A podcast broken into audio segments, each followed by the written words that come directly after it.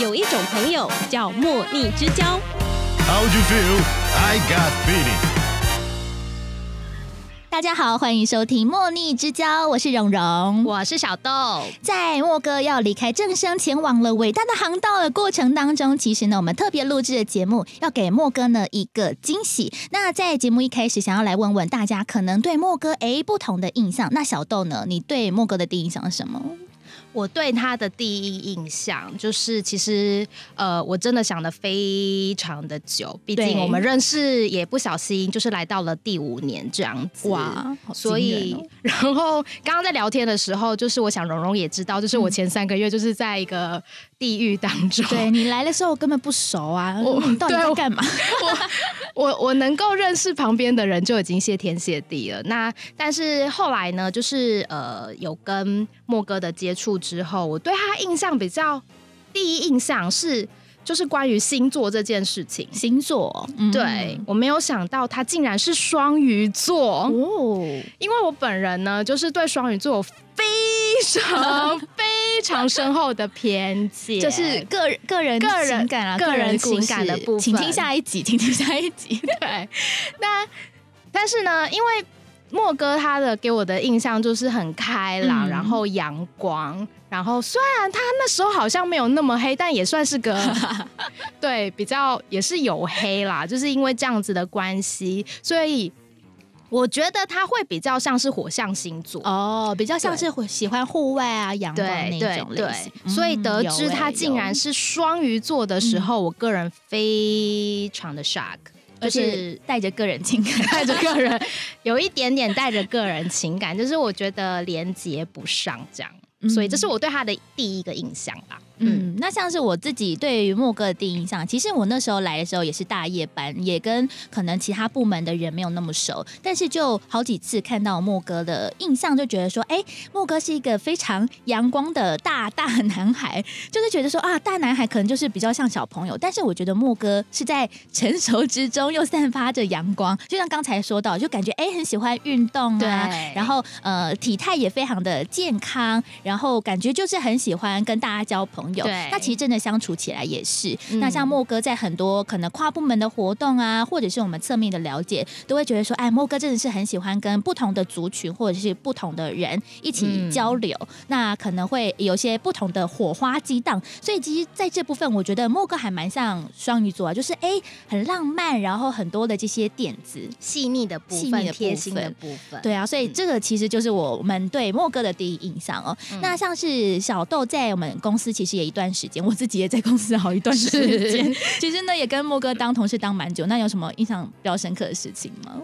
对，就是一样啦。这题我也是想了非常的久，而而且且我们 蕊稿蕊超久的，重点是呢，这些事情在 re 稿的时候都没有想出来，一聊的时候就会边讲边在旁边就是笑了出来。这件事情我也是印象最深刻的。嗯其实我觉得也跟就是蓉蓉刚刚有讲到她的贴心的部分、嗯。细腻的部分，因为呢，我不知道为什么，就是这间公司的人都非常知道我，我很想要结婚跟找男朋友，然后。有一次呢，就是我跟莫哥在开会的时候，我们就先把正经事聊完，然后就会开始就是针对会议的内容，嗯。然后再有一些发想，然后聊一聊之后，就是一个反正也不知道为什么又谁开了头，可能嗯是我们经理，也有可能我们就是聊话题聊到，然后就莫哥就很认真的跟我说，嗯，小豆。如果你真的要交男朋友的话，我觉得你不要骑车比较好。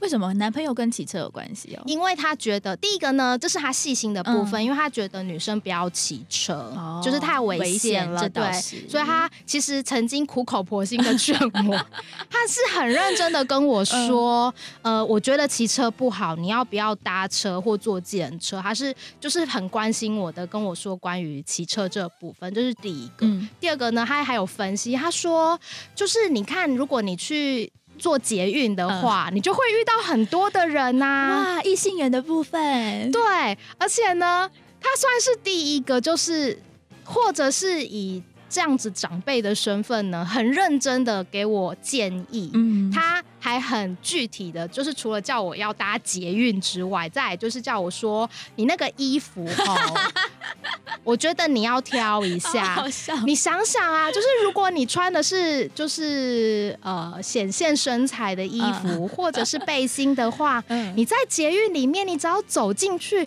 别人就会眼睛一亮啊。嗯对，然后他就开始跟我分享说，像我就是怎么样怎么样的人。嗯这一切发生在我们开会的时候，当然是开会结束之后啦。嗯那所以我对这件事情印象很深刻，主不是不是因为在开会做这件事，而是他非常的，他是很认真的嗯跟我讲说我要怎么做，嗯建议我该怎么做可以交到男朋友，并且把自己嫁嫁出去。出去。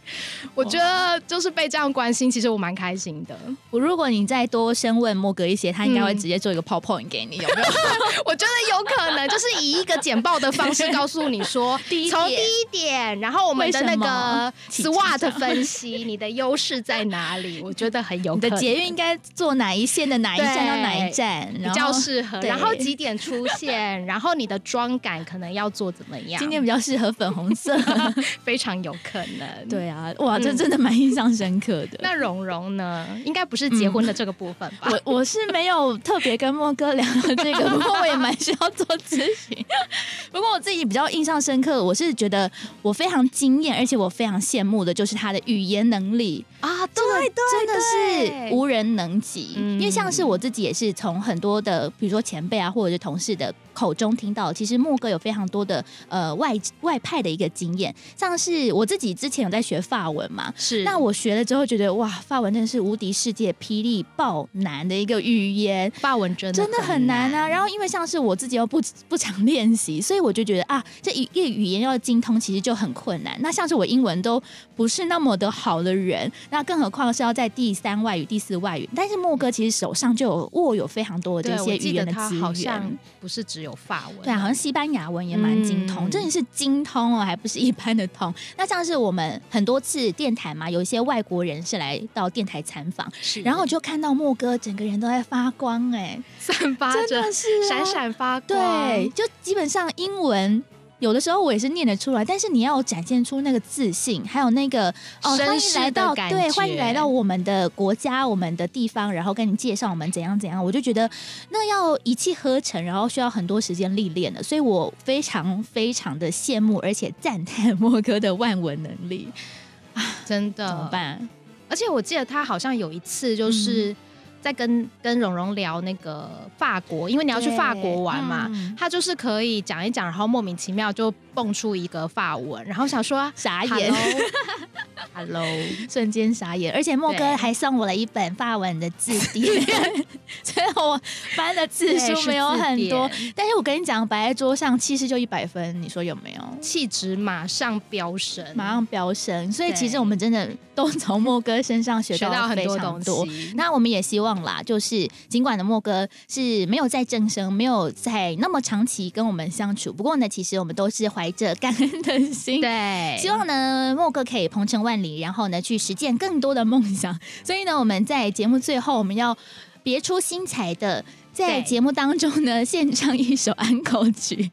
对，因为大家我们就是要给他一个感动的话嘛。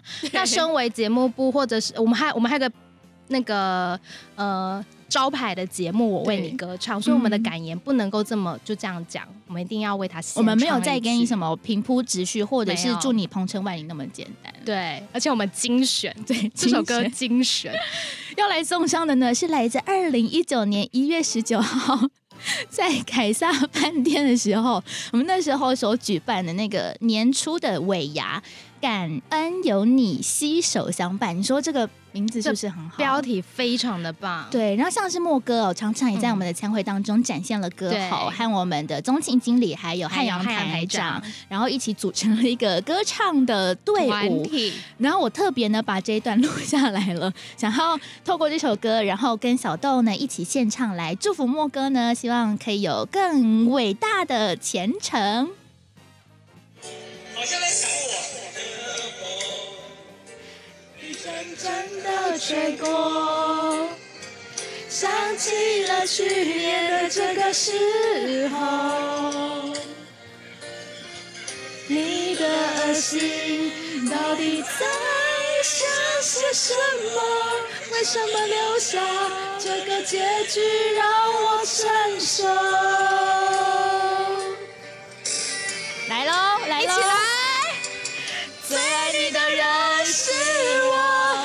么舍得我难过？